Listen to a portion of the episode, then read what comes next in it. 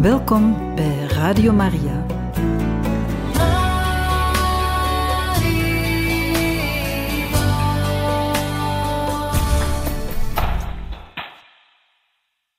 Van harte welkom, beste luisteraars van Radio Maria, bij het programma Catechismus. Vandaag kunnen wij luisteren naar een catechese over Onze Lieve Vrouw van Fatima. Deze wordt ons gegeven door Pater Jan Meus. We laten hem graag aan het woord.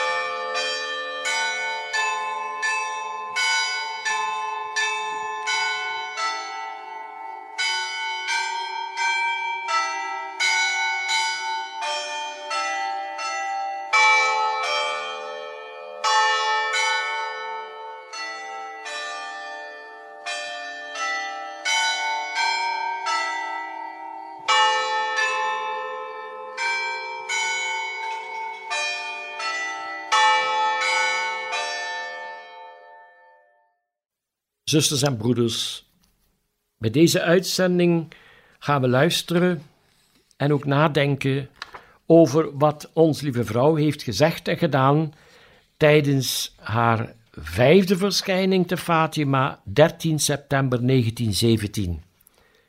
En weer wil ik graag eerst bidden om de Heilige Geest, opdat hij ons verlicht. Want als de Heilige Geest mensen verlicht, en daar vind je een bijzonder voorbeeld van bij Elisabeth, als Maria haar bezoekt, dan wordt Elisabeth vervuld van de Heilige Geest en zelfs haar ongeboren kindje. Maar dan heeft Elisabeth ook door dat ze bezield was door die geest, Maria mogen zien met de ogen van God. En dan zie je veel meer in ons, lieve vrouw, en in de anderen en in jezelf. Want Gods visie is nog altijd rijker dan de visie van de mensen. En dat is ook een vrucht van dat gebed waar we bidden om de liefde, het vuur van de Heilige Geest in ons. Als dat licht in ons brandt, of zoals Paulus het zegt, als God het ons innerlijk oog verlicht, dan zien we de rijkdom waarom het gaat. In God zelf, in onze lieve vrouw, in onze engelbewaarder, in onze evenaasten en in onszelf. Daarom bid ik graag, kom, Heilige Geest, Vervul de harten van uw gelovigen en ontsteken en het vuur van uw liefde. Zend uw geest uit en alles zal worden herschapen. En gij zult het aanschijn der aarde vernieuwen. God, gij hebt de harten van uw gelovigen door de verlichting van de Heilige Geest onderwezen. Geef dat wij, door die Heilige Geest, de ware wijsheid mogen bezitten en ons altijd over zijn vertroosting mogen verblijden door Christus onze Heer. Toewijding aan het onbevlekt hart van Maria. Heilige Maagd Maria, Moeder van God en onze Moeder, in algehele overgave aan God onze Heer, wijden wij ons toe aan uw onbevlekt hart. Door u zullen wij tot Christus geleid worden, uw Zoon, en de eengeboren Zoon van God, en door Hem en met Hem tot de eeuwige Vader. We zullen onze weg gaan in het licht van geloof, hoop en liefde, opdat de wereld geloven dat Christus door de Vader gezonden werd om ons zijn woord mee te delen. En zo zullen ook wij zijn gezondenen zijn, om de kennis van God en de liefde tot Hem uit te dragen over heel de wereld tot aan de einden der aarde. Onder de moederlijke bescherming van uw onbevlekt hart zullen we één volk zijn met Christus, het volk dat Hij zich door zijn dood heeft verworven. En wij zullen getuigen van Zijn verrijzenis. Door Hem zullen wij tot de Vader komen tot eer van de Allerheiligste Drievuldigheid, die wij aanbidden zegenen en prijzen. Amen. Zusters en broeders, de 13e september. Tussen haakjes. Misschien weet u, en dat is in verband met die datum, dat in vele hotels geen kamer te vinden is met het cijfer 13. Ik heb dat zelf ook gezien. En dan kom je in gang, op de tweede verdieping heb je 201, 202 en dan gaat door tot 212. En de volgende is 214. Want veel mensen willen niet in een kamer waar het getal 13 op staat. Dat is een zogezegd ongeluksgetal. Dat zal wel waar zijn. Maar voor mij is dat een geluksgetal, omdat onze lieve vrouw de dertiende verschijnt in Fatima. Ze zullen daarom wel niet die nummering op die kamers in de hotels veranderen, maar het is toch. Ik vind dat mooi. Ook omdat ik dankbaar ben voor wat onze lieve vrouw in Fatima is komen doen. Anders had ik nooit vijftig keer met een groep mensen op bedevaart daarginter kunnen gaan en de ongelooflijke genaden en zegeningen beleven die we daar hebben mogen ontvangen en die de mensen nog ontvangen, vooral de Portugese christenen. 13 september 1917. Lucia schrijft in haar geschrift: Bij het naderen van het uur ging ik op weg met Jacinta en Francesco te midden van veel mensen die ons ter nood lieten vooruitkomen. De straten waren vol volk. Iedereen wilde ons zien en spreken. Daar was geen menselijk opzicht. Vele mensen, ook dames en heren die erin slaagden door de ons omringende menigte heen te dringen, wierpen zich op de grond en voor ons geknield vroegen ze dat we hun noden aan ons lieve vrouw zouden aanbevelen. Anderen, die niet bij ons konden geraken, riepen van, van verre: Uit liefde tot God, bid ons, lieve vrouw, dat zij mijn kreupele zoon geneest. Een andere, de mijne die blind is. Weer een andere, de mijne die doof is. Of dat mijn echtgenoot terugkomt. Voor mijn zoon in de oorlog voor de bekering van een zondaar. Dat ze me gezond maakt, ik ben tuberculeus. Enzovoort, enzovoort, enzovoort. Lucia schrijft: daar kwam alle ellende van de mensheid ter sprake. En sommigen riepen zelfs vanuit bomen en vanaf muren waar ze opgeklauterd waren om ons te zien langskomen. Terwijl we aan de een toezegging deden, aan anderen de hand gaven om ze te helpen van de stoffige grond op te staan, gingen we zo vooruit met de hulp van, de een, van enige heren die ons een weg baanden door de menigte.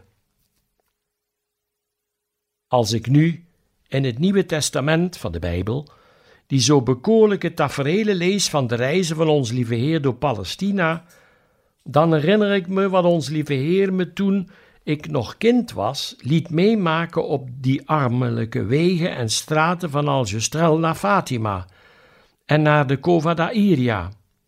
En ik dank God, hem aanbiedt het geloof van ons goede Portugese volk.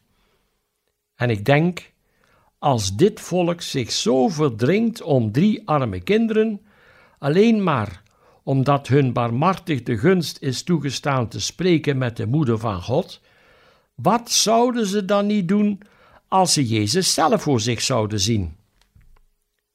Zeker, maar dit heeft niets met mijn opdracht te maken.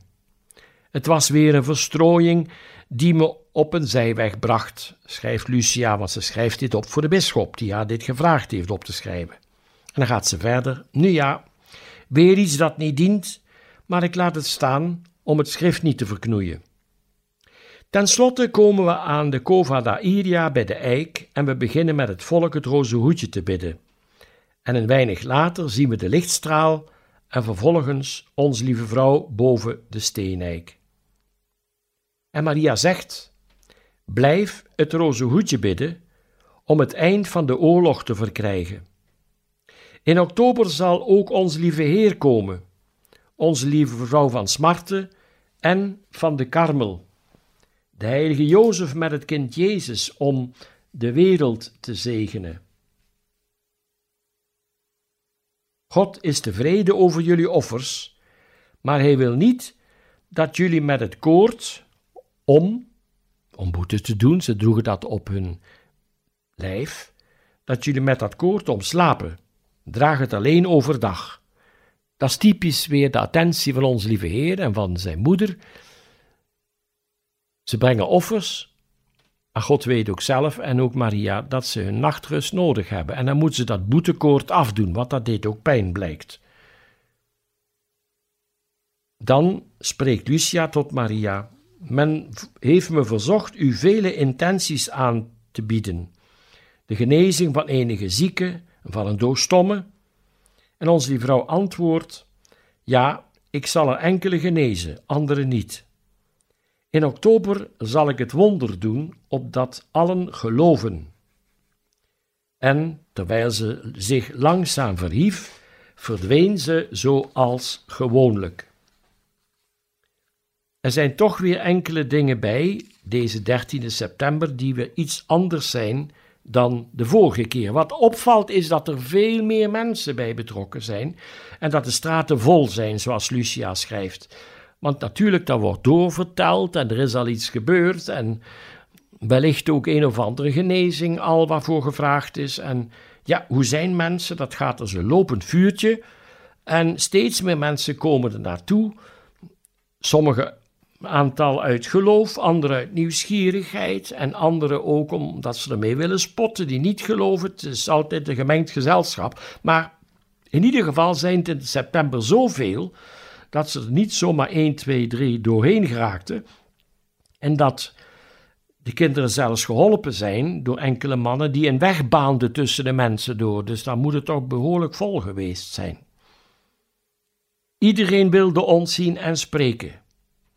Niemand schaamde zich, want ze durfden alles te vragen, omdat ze dat zagen als een enige of e-, laatste oplossing voor ziekte, problemen enzovoort enzovoort. En dat veroorzaakt ook een bepaalde stemming te midden van de mensen. En dat moet toch ook een invloed gehad hebben op deze kinderen. Als ze mensen horen schreeuwen: bid voor mijn blinde zoon, of mijn kind dat doof is, of dat mijn echtgenoot terugkomt, of dat mijn zoon terugkomt uit de oorlog. Want het is nog altijd de Eerste Wereldoorlog. Hè? En Maria heeft niet voor niets gevraagd: bid de rozenkrans om het eind van de oorlog te verkrijgen. Te midden van die massa mensen zijn er ook velen die ofwel in een boom klimmen, zoals Lucie dat hier beschrijft, of voor hen neerknielen om te vragen hè, om hun noden aan ons lieve vrouw toe te vertrouwen. En sommigen zitten op een muur en roepen van verre. uit liefde tot God, alstublieft, bid ons, lieve vrouw, dat ze mijn kreupele zoon geneest, schrijft Lucia over één persoon. En eh, ze noemt alles waar de mensen om vragen. En dit is toch wel iets heel bijzonders. Ik bedoel, de mensen vragen dat, maar van de andere kant zijn die kinderen zo verbonden met Maria en zo gehoorzaam en zo, ja, hebben ze zo alles in hun hart en hun ziel toegelaten wat door de boodschap heen, zowel van de engel als van onze lieve vrouw, hun raakte en vervulde, dat hun smeekbeden ook daardoor weer gedragen werden en dat Maria ook luistert naar wat ze vragen maar dan met het antwoord van sommigen zal ik wel genezen, anderen niet, of omdat er bepaalde redenen zijn, daar hebben we het alles over gehad. God wil uiteindelijk de redding van de mensen, dat men zoveel mogelijk mensen in de hemel komen. En een genezing wil niet per se zeggen dat die mens daardoor heiliger wordt. Hè? Dat speelt ook mee. En daarom, bij een vorige verschijning, zei Maria: hij moet zich eerst bekeren en dan volgt later dit jaar wel de genezing. Het gaat om de eeuwige redding van mensen. En het aardse leven, hoe belangrijk wij dat nu ook vinden, gaat helemaal voorbij. En het eeuwige gaat nooit voorbij.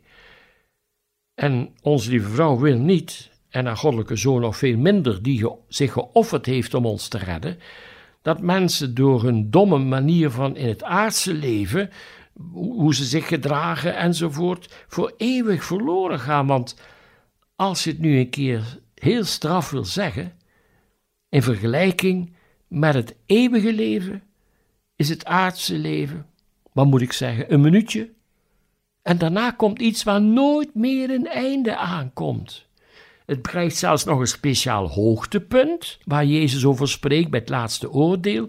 Dan zullen allen verrijzen en een verheerlijk lichaam krijgen die naar de hemel gaan. Dat is niet niks.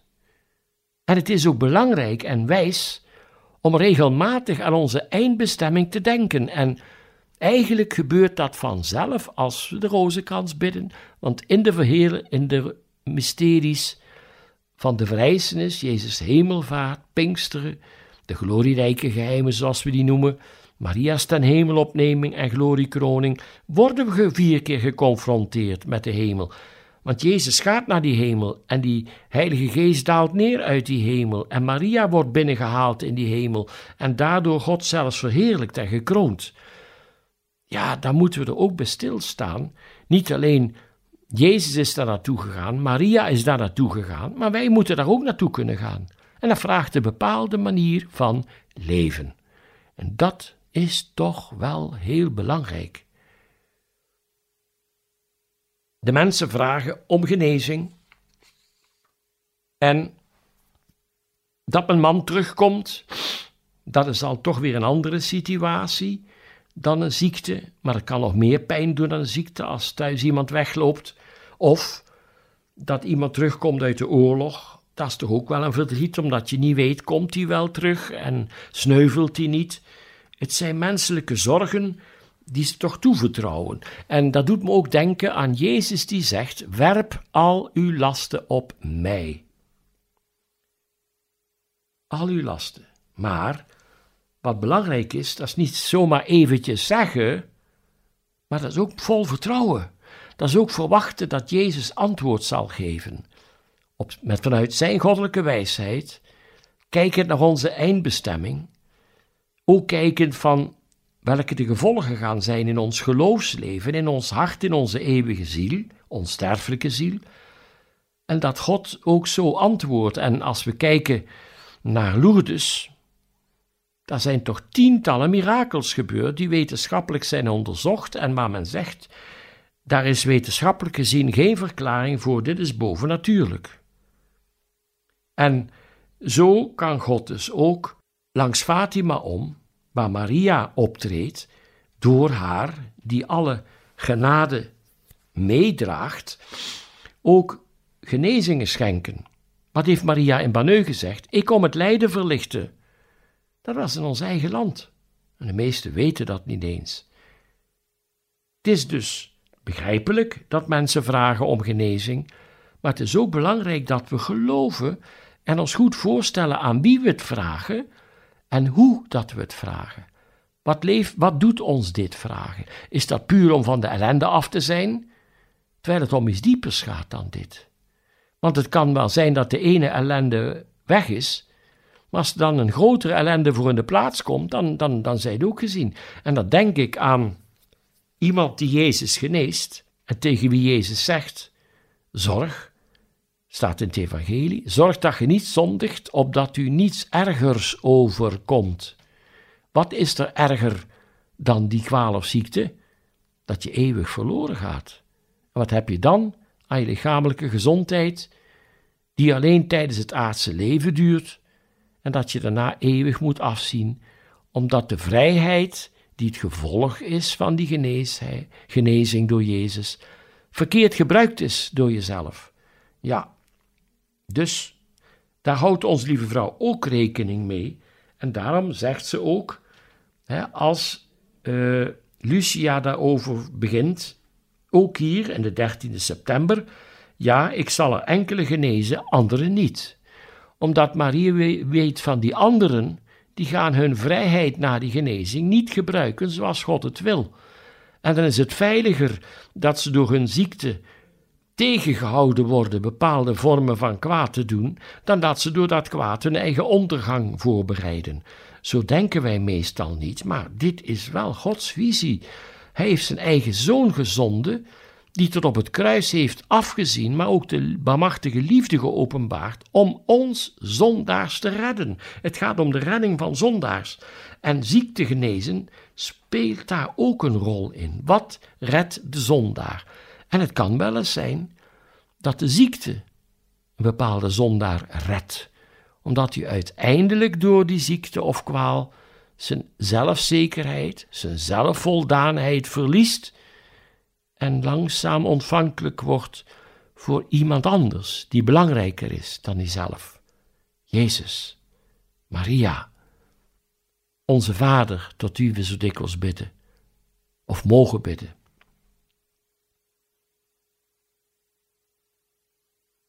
En Lucia herinnert zich nog, omdat ze door die massa heen moest en gedragen moest worden, dat ze ook beseft hoe ze als kind werd meegedragen als ze zo ver weg moesten, misschien door haar papa of mama op de arm, of ze had ook wat, wat, wat zusjes thuis en zo. En dat ze dat dan waardeert als ze beseft dat ze ook hulp nodig hebben bij die verschijning om naar de verschijningsplaats te geraken. De massa hield hen tegen. En ze schrijft dan ook dat enige heren hen hielpen om een weg te banen door die menigte heen naar die eik waar Maria zou verschijnen. En ze schrijft dat dan op.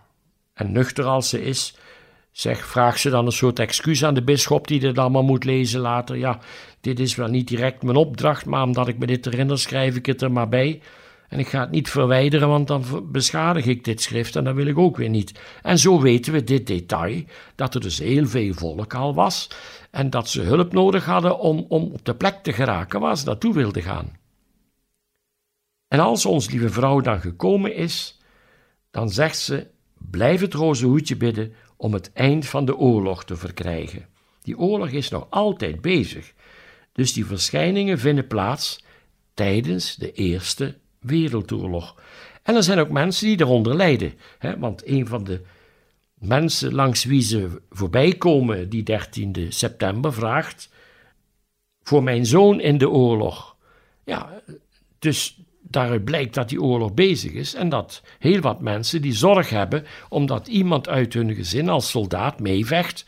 Ja, en je op voorhand niet altijd de afloop kent en men zich daar dus zorgen over maakt. Dat is te begrijpen. Daarom zegt Maria ook: blijf het rozenhoedje bidden om het eind van de oorlog te verkrijgen. Dan komen de soldaten allemaal naar huis. En dat is wat Maria uiteindelijk wil. Zij wil de vrede. En ze geeft ook de wapens, de middelen om die vrede te verkrijgen. Het rozenkransgebed, bidden en boete doen voor de zondaars enzovoort. Rusland toewijden aan haar onbevlekt hart. Want, omdat dat niet gebeurd is, heeft Rusland het communisme zijn leer verspreid en er zijn talloze volkeren vernietigd en zoveel mensen slachtoffer van geworden. Het loopt in de miljoenen.